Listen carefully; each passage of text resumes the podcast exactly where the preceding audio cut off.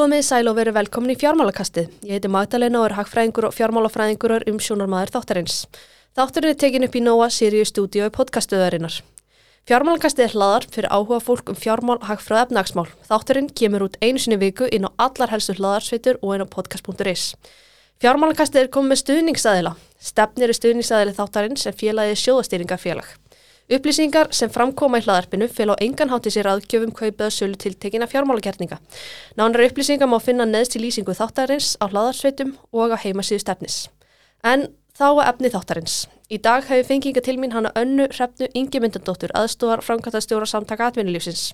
Við ætlum að ræða um kjaramálinn sem verðast vera í algjörun hút, jafnlaunavottuninu og hvort hún hafi skilað til allir árangri Við ætlum líka að stutlu ver verðbólgun á húsnæðismarkaðin og kannski sitt hvað fleiri er lokin. Anna Hrefna, verður velkomin. Takk fyrir. Hérna við ætlum að ræða ímislegt í dag eins og ég kom hérna inn á en byrjum á að ræða kjaramálin. Uh, Verpan var samþygt í gær miðugudag uh, með yfirgnafndi meira hluta. Getur þú svona farið stutlega yfir svona hvaða þýðingu það hefur? Mm -hmm.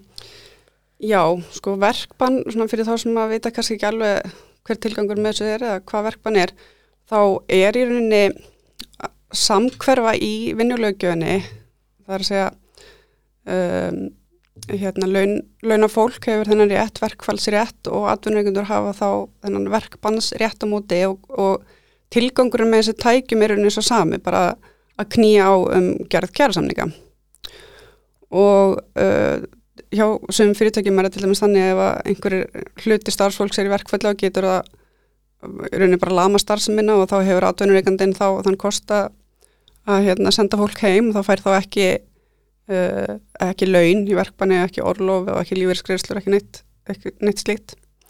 Þannig að þetta er þetta mjög drastísk aðgerð og algjört neyðar úrræði mm -hmm. fyrir atvinnureikundur um, en eins og sást í kostningunni gær þá var þetta samþygt með yfirgnæðandi meira hluta þannig að það er mikil samstað um, um í rauninni að, að vera með þessa heimild uh, beita þessu núna í þeim aðstæðum sem við erum um, og, og algjör svona varnar aðgerð. Einmitt, og það er svolítið langt að það hefur verið beitt, er það ekki rétt? Jú, ég er ekki alveg með að takta minn, en verkfallsvopnið er miklu meira nota heldur en mm -hmm. verkbann, þannig að það, er, jú, þess að það hefur ekki oft verið beitt og í rauninni vonum við að koma ekki til þess að þetta koma endilega til framkvæmda, það nei, nei, vonandi nást samninga fyrir þann tíma en tilgangurinn er rauninni bara að, að takmarka það tjón sem að hlýsta verkvöldum í samfélaginu og bara að reyna að ná samningum sem fyrst. Ég, eins og ég komin á þann, það er kannski ótaf að segja að þessi deila sig í algjörðum hnút. Ertu bjart sín á að þessi deila leysist farsala svona að lokum? Maður getur nú verið að lega sér vona það. Þetta er erfitt að segja farsalega, það hefur náttúrulega þegar orðið rosalega mikið tjón á þessum verkföllum og hótel og ferðarþjónustu fyrirtæki og fleiri sem að hafa þegar orðið af greiðlega miklum tekjum bara þurfti að stoppa bókanir og, og vísa fólki frá og þar fram eftir göttunum þannig að þetta tjóni þegar orðið mjög mikið og bara þetta var vondt fyrir Ísland svona ferðarþjónustuna fram á veginn sem var svona rétt að fara jafna sig eftir COVID að það skulle alltaf í verkföllum hérna núna þannig að þetta er auðvitað alls ekki gott en maður auðvitað vonar að það náist einhver uh, lausn fyrir en síðar Emitt, nú var aðeins sami til eins árs hjá SGS og Vaffer hefur áhyggjur að því að það getur sett allt í uppnám svona þegar að losna aftur, svona við erum nýbúin að ná tökum á þessu þegar eitthvað annað gerist. Um, sko tilgangurinn með þessum skamtímasamningum var rauninni bara að fókusera. Mikið óvisa. Já, það er já. svo mikið lefnaslega óvisa að rauninni bara fókusera á launaliðin núna, kaupa okkur smá tíma til þess að fara í svona dýbri umræður fyrir næstu kjæra samgæðgerð þannig að nei, ég held ég bind miklu vonu við það að það verði ekki uppnám. Og ég meina það er nú þegar hafinn vinna við næstu kjæra samninga mm -hmm. uh, eh, og svona þau umræðefni sem að uh, eru til staðar fyrir þá. Þannig að hugmyndin með þessum skamtíma samningum var í rauninni einmitt bara að að kaupa okkur hennan tíma til þess að, að einhvern veginn ná svona í stýpri vinnu við það og, og fókus er það bara á launaliðin uh, og svona reyna að komast yfir þetta miklu óvissu tímabil Einmitt. Uh, voru sáningarnir sem voru gerðir við Vafki og, nei, Vaffer og SGS jætna, umfram verðmændasköpunni eins og Sæðlabankastjóri hefur bent á? Þetta eru þetta miklu launahækkanir uh, en við munum ekki vita það fyrir en tímabilinu líkur, við vitum ekki hver verðmætt og sköpunin verður nei, nei, um, en svona almennt uh, þegar tala um sko, svirum til launahækana þá er talað um hérna framleginu aukningu og pluss verðbólgumarkmið. Og framleginu aukning hérna í hagkjörnu Íslandi er svona uh, talað um til lengri tíma kannski 1% þannig að þetta er auðvitað tölvert umfram það svigrum og eins og við sáum náttúrulega þá vísaði peningastefnum nefnd í um, þessa kjæra samninga sem hafa þegar verið gerðir sem svona eina ástæði þess að þessu ástæði til að hækka vexti. Mhm. Þannig að hún lítur greinlega svo á að þetta hafi verið uh, tölvört miklar launahækkanir. Nú var á dögunum samið við sjómenn og skrifaði uh, sjómannasambandið og SFS undir tíu ára samning þannig að ég velti fyrir mér til hversu langs tíma er svona ideal eða best að semja til. Vilja verkalýðsfélug almennt semja til skamstíma eða hvernig, svona, hvernig er það? Nei, það var nú engin sérstök óska þeirra hálfu að til dæmis gera skamtíma samning núna, hún, ég held að það nú verið höfumd okkar megin frá sko en, og eins og ebling vildi nú vera með þryggjára samning en sko það er kannski ekki eitt einlít svar við þessu, það þetta mjög mismunandi aðstöður upp í hagkjörni eins og núna eins og ég nefndi, er mikil verðbólka og, og mikil óvisa og þá er kannski auðveldar að gera skemmri tíma samninga og svona reyna að koma sér fyrir vind en ég veit ekki hvort það er eitthvað svona eitt ideal, ég held á hinn Norðurlöndunum þá er algengar að gera kannski tvekja þryggja ára samninga jafnvel lengri. En sko svona hugsunin á bakvið eins og var þarna í lífskjærasamningunum uh, hagvaksturauki, það er svona ein leið til þess að tengja, þú veist, ná lengri samningi og þá tengja einhvern veginn við uh, þróunina sem verður í hagkjöruna því maður veit auð- auðvitað aldrei fyrirfram hvað verður mikill hagvakstur og hvað verður mikill til skiptana Mm -hmm. En það er þá svona ein leið til þess að að binda það inn í samningin að það fyrir svolítið eftir hvernig efnaðastrónum verður Já, hver, einmitt. hver er launahækkarinn að verða þannig að það er svona ein leið til að gera þá lengri samninga Uh, hvað vil svona, vilja samtöðu akfélýsi svona almennt semja til margra ára? Er það breytilegt eftir hvernig efnags ástandi er? Já, ég myndi segja að væri nú svolítið breytilegt eins og bara ég nefndi núna áðan með þessa skamtímasamninga sem við erum að fara í núna en almennt séð eru þetta betra að hafa lengri samninga það er ekki bara fyrir fyrirtæki sem vilja hafa einhvern fyrirsjánleika heldur líka þetta bara heimili sem að vilja uh, hérna, einnig hafa fyrirsjánleika þannig að ég myndi svona halda kannski þrjú ár eða eitthvað svoleiðis væri alveg fínt Svona svipað er á Norðurlöndunum? eða Já, já. Og, og eins og lífskjara samningurinn, ég held að það hafi verið ágætis, ágætis tímabil. Einmitt, nú erum við að sjá fréttir til dæmis uh, atvinnureikundum og veikningageranum að það sé svona virkilega erfitt að reka veitingastæði til dæmis út af launakostnaði. Eru launareglur hér á landi of harðar, kannski á sérstaklega þegar kemur á vaktavinnu eða svona hvernig sér þú það? Já, ég held að sé alveg óætt að segja það, sérstaklega einmitt með fyrirtæki eins og veitingahús, að þá er, sko Íslandi er uh, þetta dagvinnu tímabil stittra heldur en á hinn Norrlöndunum og uh, hérna meiri svona yfirvinnu og álagsgreðslur að telja þá miklu meira hér og, og er rauninni miklu dýrari og er í prósentum, þegar annars staðar er þetta oft sko, svona krónutölur. Þannig að þetta er eitt svona sem að við höfum svolítið bent á að, að þyrfti kannski að endur skoða og kemur þá einmitt sérstaklega illa við greinar eins og veitingageran. Einmitt, einmitt. Uh, hérna, þegar kemur að kjaramálum, er Ísland svona mikið frábrugðið öðrum löndum? Þú komst eitthvað aðeins inn á áðin, kannski útskýra þess betur svona þegar kemur að, hérna, að semja um kjör. Já, sko fyrir það fyrsta þá auðvitað erum við með mjög mikinn fjölda fólks í stjættafélugum bara yfir Mhm. höfuð, það er þarna 90 eitthvað prósent, uh, 90 prósent rúmlega og ég, með minnir að næsta landu fyrir neðan okkur, uh, svona Norrlundin sé 60 eitthvað prósent, þannig að við erum með miklu meiri stjættafélag þáttöku heldur en nokkur starf annars þar í heiminum Mm -hmm. en þar fyrir utan þá erum við bara með rosalega mörg og fámenn stjættafélög þannig að það næst kannski ekki engin svona samstaða um einhverja sameila launastefnu og Mhm. svo þetta er ekki stórir og fjölbreyttir hópar sem að sjá kannski kostina við svona sameila stefnu sem er á hinu Norrlöndunum þar sem við tölustundum um sem svona norræna vinnumarkasmótilið er að, eh, að Hugnast ykkur að taka upp, upp eitthvað slíkt? Já, það er í engin einhver ein skilgrinning á því kannski hvað norræna líkanið er en það væri kannski hægt að, að taka svona besta frá hverju landi en svona almennt séð byggir það svolítið á því að, að útflutningsgreinanar ákvarða þetta svigurum sem er til launahækkana hverju sinni og, og aðrir bara fylgja í kjölfarið, kjölfarið og fara þá ekkit umfram þá uh, hækkuna, þá stefnu sem mörgu er þar.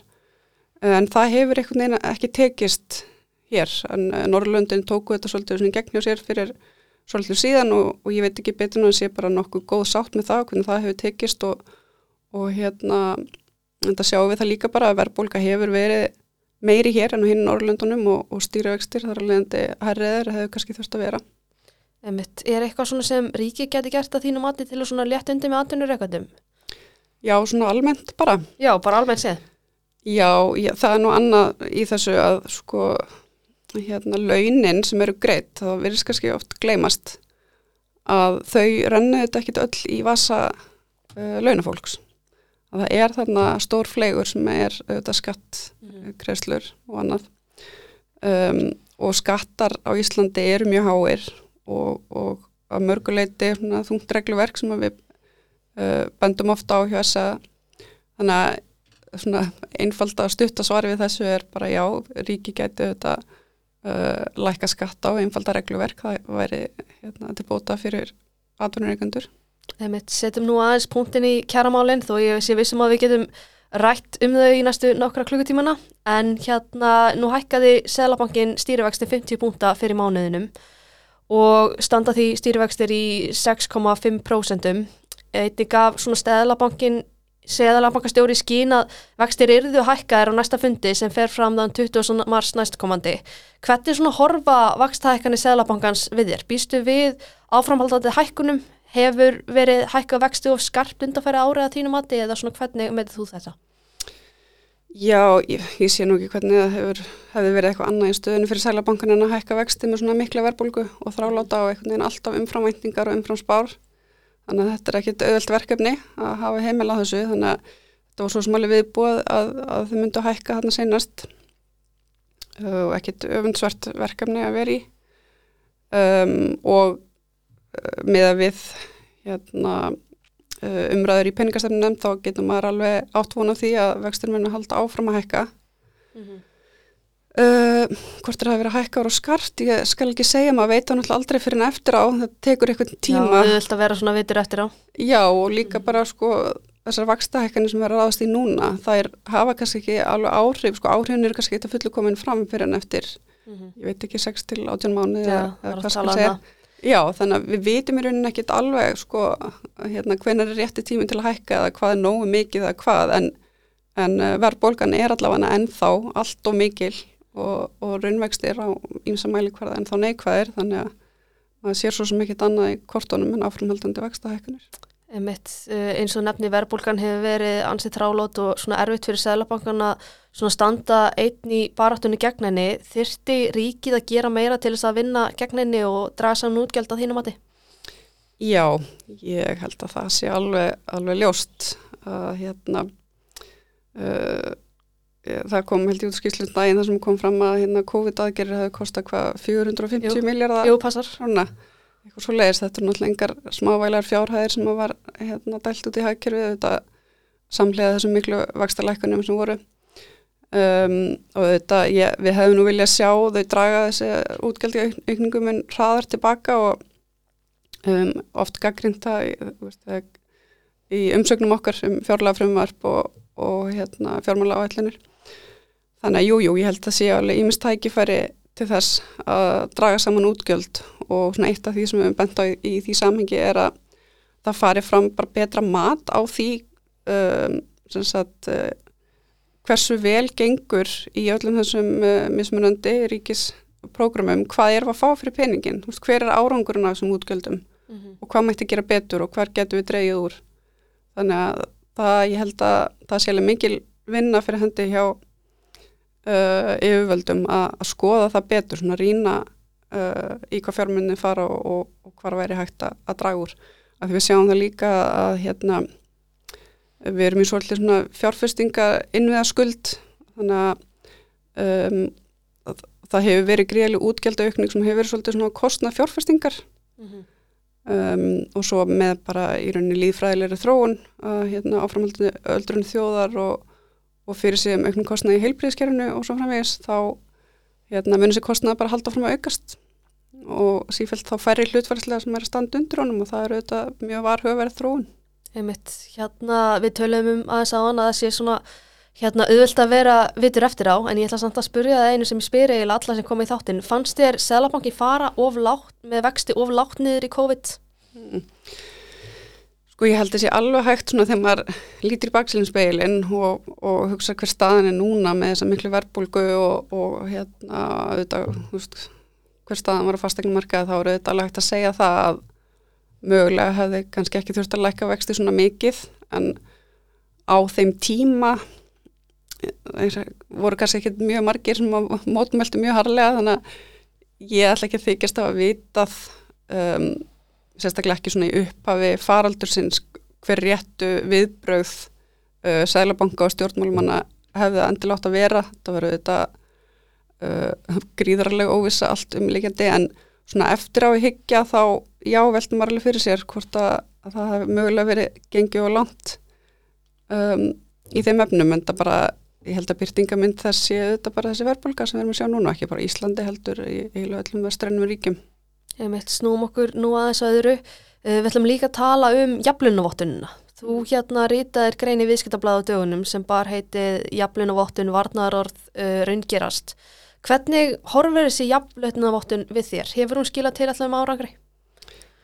Sko bara þannig að sjálf skýrt þá hef ég ekkert á móti jafnlauna vottun mm -hmm. í sjálfu sér mm -hmm. en um, lögfestingin er svo allt annar mál mm -hmm. og við í rauninni vörðum við því uh, áðurinn að þetta var lögfest uh, og það var í rauninni aldrei tilgangur uh, staðalsins, jafnlauna staðalsins að, að hann er lögfestur Um, en þessa hafa alltaf stutt staðalinn og komið mér sér að, að gerða hans og fjármagna og, og þarfram til gödunum en, en ég sé enga ástöðu fyrir því að þetta ætti að vera lögbundið mm -hmm. uh, og sérstaklega ekki Akkur fyrir ekki. smæri fyrirtæki Já, bara út af því að erfið kostnaði fyrir smæra fyrirtæki eða svo leiðis Já, sko, almennt eru svona staðlar ekki lögfæstir mm -hmm. það er bara almennt ekki tilfellið og, og það er ekkit annar land sem hefur lögfæst þennan staðal heldur. Mm -hmm. En þetta er svona sér íslenskt?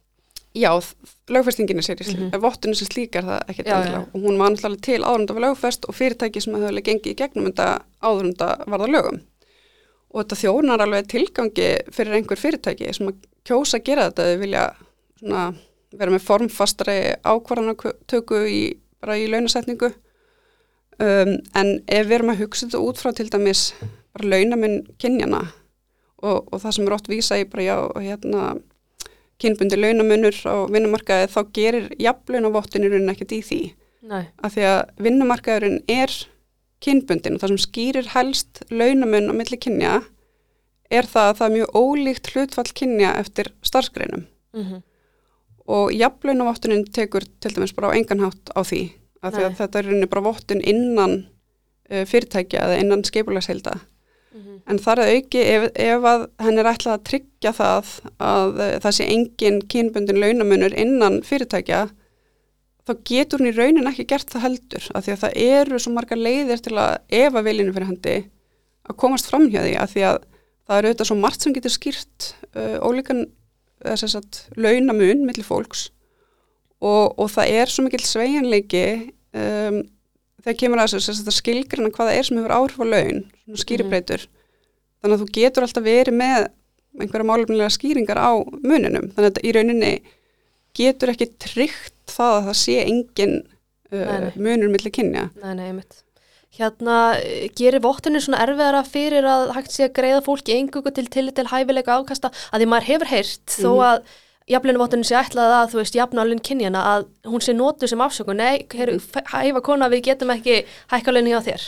Já, ég hef heyrt þetta líka og ég mér sé að heyrt svona í gríni að þetta sé stundu kalla lálunumvottun en, en hérna, nei, ég, ég veit það nú ekki alveg sko, það eru eitthvað hægt að nota þetta í þeim tilgangi sko, en hérna já, hún sem slík endilega gera það ekki, það fyrir bara eftir svona hver uh, veist, hver beitir enni þú getur notað hana sem afsökun mm -hmm. til mhm. þess að, að hérna, fara ekki í launahækkanir sko. en mér finnst bara helsti gallin einmitt vera þessi sko, að fyrstulega tekur hún ekki á svona, við um, skoða bara vinnumarkað svona hilt yfir þá er hún ekki til þess fallin að út, rýma þessum kynbundna launamun sem er til staðar uh, svona í hagkjörun í heild að því eins og ég segi uh, vinnumarkarnir með kynskiptur en uh, heldur ekki í rauninni innan fyrirtækja og þá sé ég bara ekki tilgangin með þessari lögfestingu mm. og þetta eru auðvitað mjög íþingjandi fyrir smæri fyrirtæki sem að hafa kannski enga reynslu á svona vottun og þurfa kannski að fá einn sérfræðinga kaupa sér einhvern hugbúnað mm. og, og svo framvegs og við mátum sem svo að, að heldakostnaðurinn við þessa vottun getur verið um 20 miljardar pluss mm. svo kostnaður við svona viðhald vottunarinnar.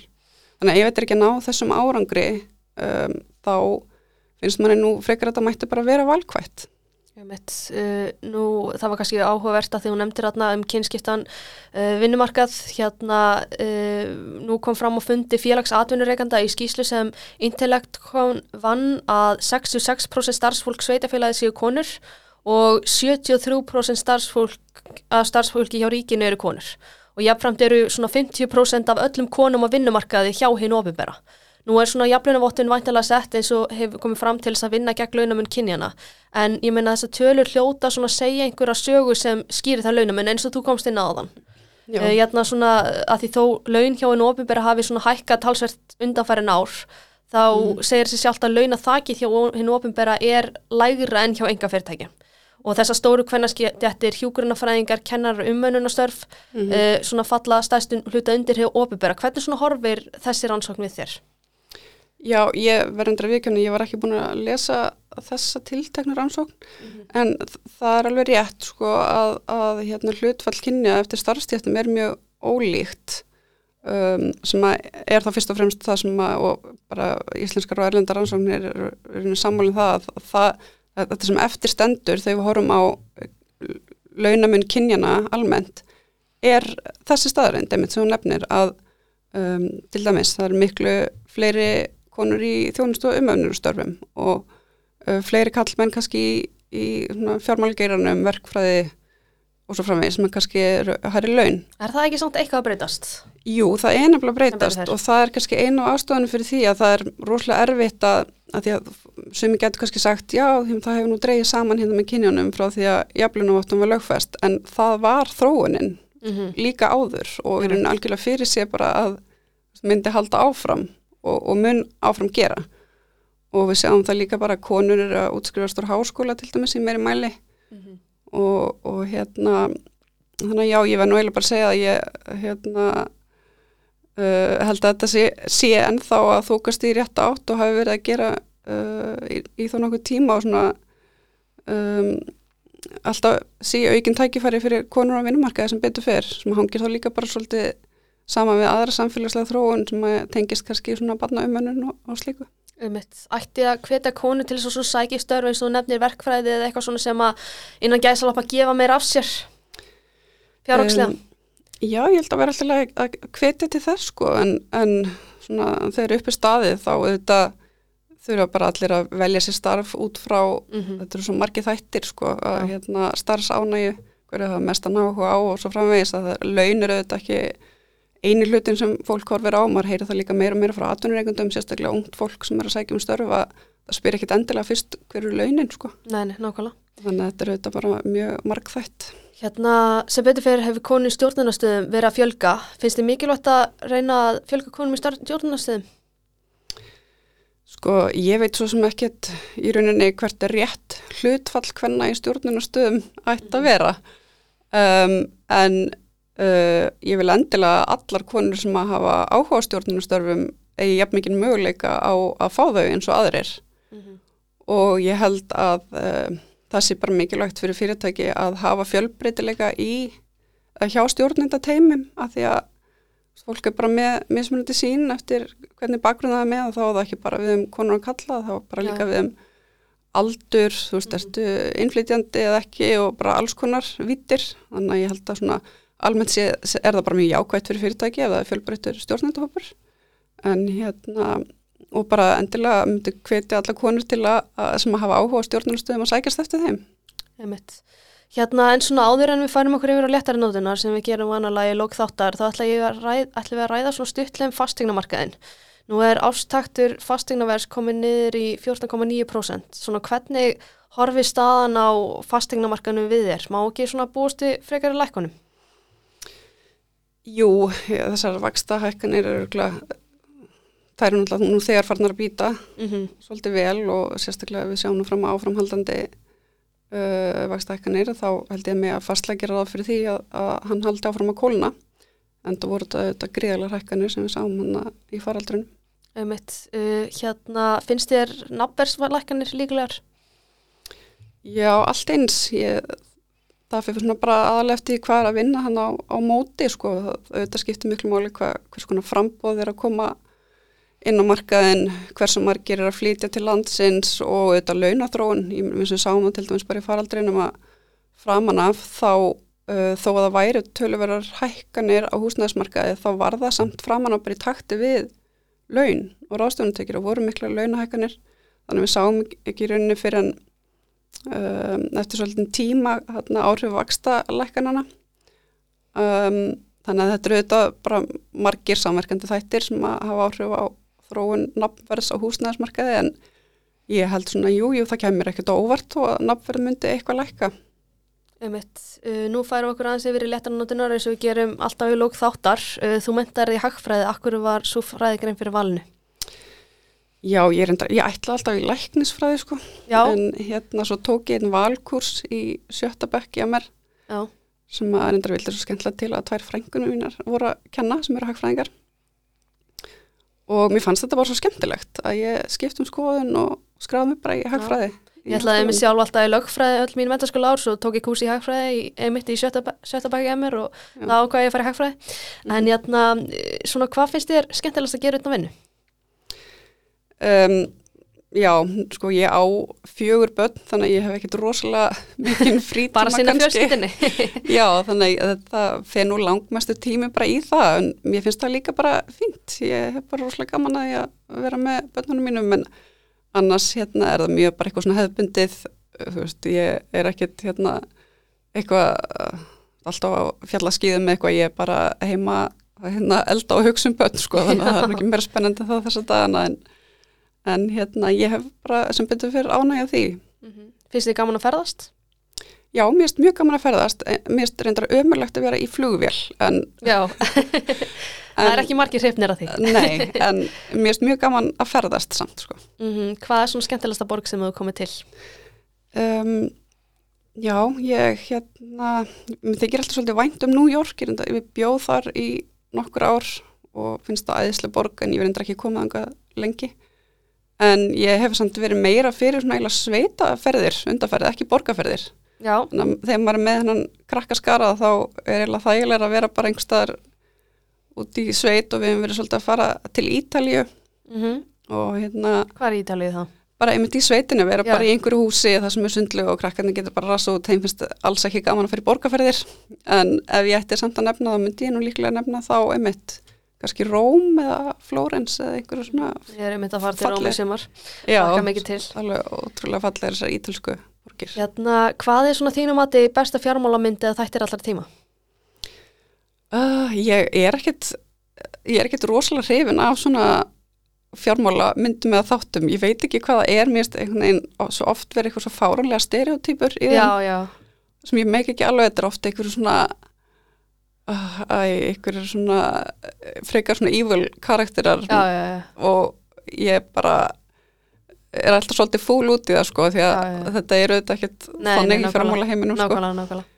en um, fjármála mynd, ég veit ekki, mér fannst Wolf of Wall Street alveg svolítið skemmtileg. Já, og svo kannski meira svona hagfræði mynd kannski, hérna Beautiful Mind fannst mér góð, svolítið gömul en já, en ég skal ekki segja Ef þú ættir að mæla með einni bók fyrir hlustundu fjármálakassins, hvaða bók væri það?